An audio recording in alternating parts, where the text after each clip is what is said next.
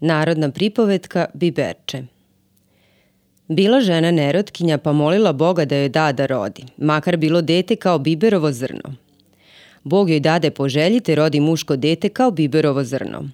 Iz početka u radosti nije marila što je to lišno dete rodila, ali posle dođe joj na žao gledajući drugu decu koja su se s njezinim rodila, da je narastoše na ženitbu i udadbu, a njezino ostalo kao biberovo zrno.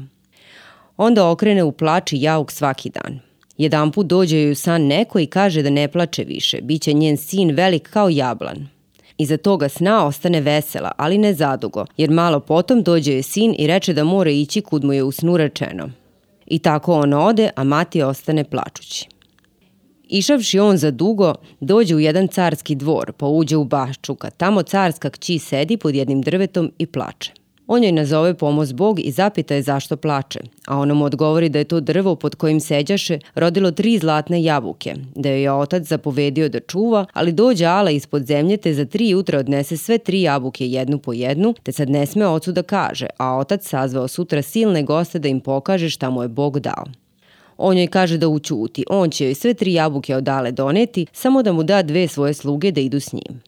Potom on kupi jednu ovcu i zaklavši je sva četiri čerega metne u torbu, a ostalo baci, pa ponesavši jedno uže ode sa slugama iza grada na jezero i onda digne jedan kamen, pa reče slugama da ga na užetu spuste dole, pa kad zadrma uže da ga vuku gore.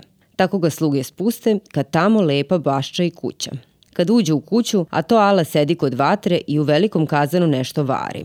Ala, kako ga ugleda, skoči nanj, a on joj brže baci jedan čereg mesa. Dok se ona sagnu i uze meso, on ukrade jednu jabuku. Ala opet na njega nasrne, a on je baci drugi čereg, pa uzme i drugu jabuku. Kad Ala onaj čereg proguta, ona opet na njega nasrne, ali on joj baci treći, pa uzme i treću jabuku. Kad Ala četvrtom na njega nasrnu, on joj baci i četvrti čereg, pa bježi natrag. I tek da se uhvati za uže, Ala ispadne napolje, a on brže odseče od svoje noge mesa, pa je baci i zadrma za uže, te ga izvuku gore. Potom preda carskoj kćeri jabuke pa ode. Malo vreme zatim prođe, a Ala poče svaki dan gore izlaziti, te je svaki dan jela po jednu devojku koju su joj morali iz grada slati redom.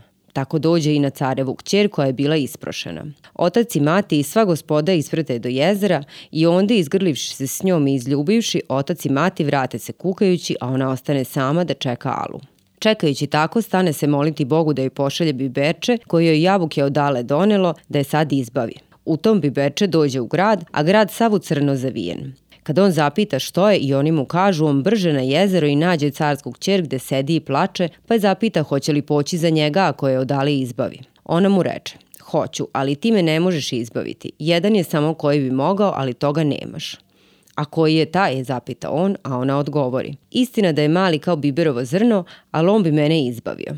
Bibeče se nasmeje i reče joj da je Bibeče sad velik momak i da je došao da je izbavi. Ona se začudi i kad vidi prsten što mu je dala onda kad joj je doneo jabuke, osvedoči se da je on baš. Onda i on kaže da ga malo poište, iako zaspi da ga probudi kad se jezero zadrma. On legne njoj na krilo i ona ga poče poiskati, te on zaspi. Kad u jedan put jezero se zanjiha, a ona počne plakati i suza kane njemu na obraz, a on se trže, uzme mač i stane da čeka Alu. U tom eto ti Ala s devet glava, on je dočeka i odseče joj jednu glavu. Ala juriš na njega, a on joj odseče i drugu. I tako svih devet. Potom zaište od devojke maramu, pa povadi svih devet jezika i veže u maramu, a devojci kaže da nikom ne kazuje koji je izbavio. On će već doći kad bude vreme, pa onda ode. Kada devojka pođe kući, srete je njen mladoženja i kaže joj, ako neće kazati da ju je on izbavio, da će je ubiti, pa joj je sve jedno. Ona se razmisli i opominjući se šta joj je Bibeče kazalo da će doći kada bude vreme, obeća da će kazati da je on izbavio. Mladoženja se vrati te ponese za svedočanstvo svih devet odsečenih glava. Kada ona dođe s njim svome ocu i materi, nije se moglo znati koga većma grle i ljube, nju ili njega i naume odmah da ih venčaju, ali se ona načini bolesna.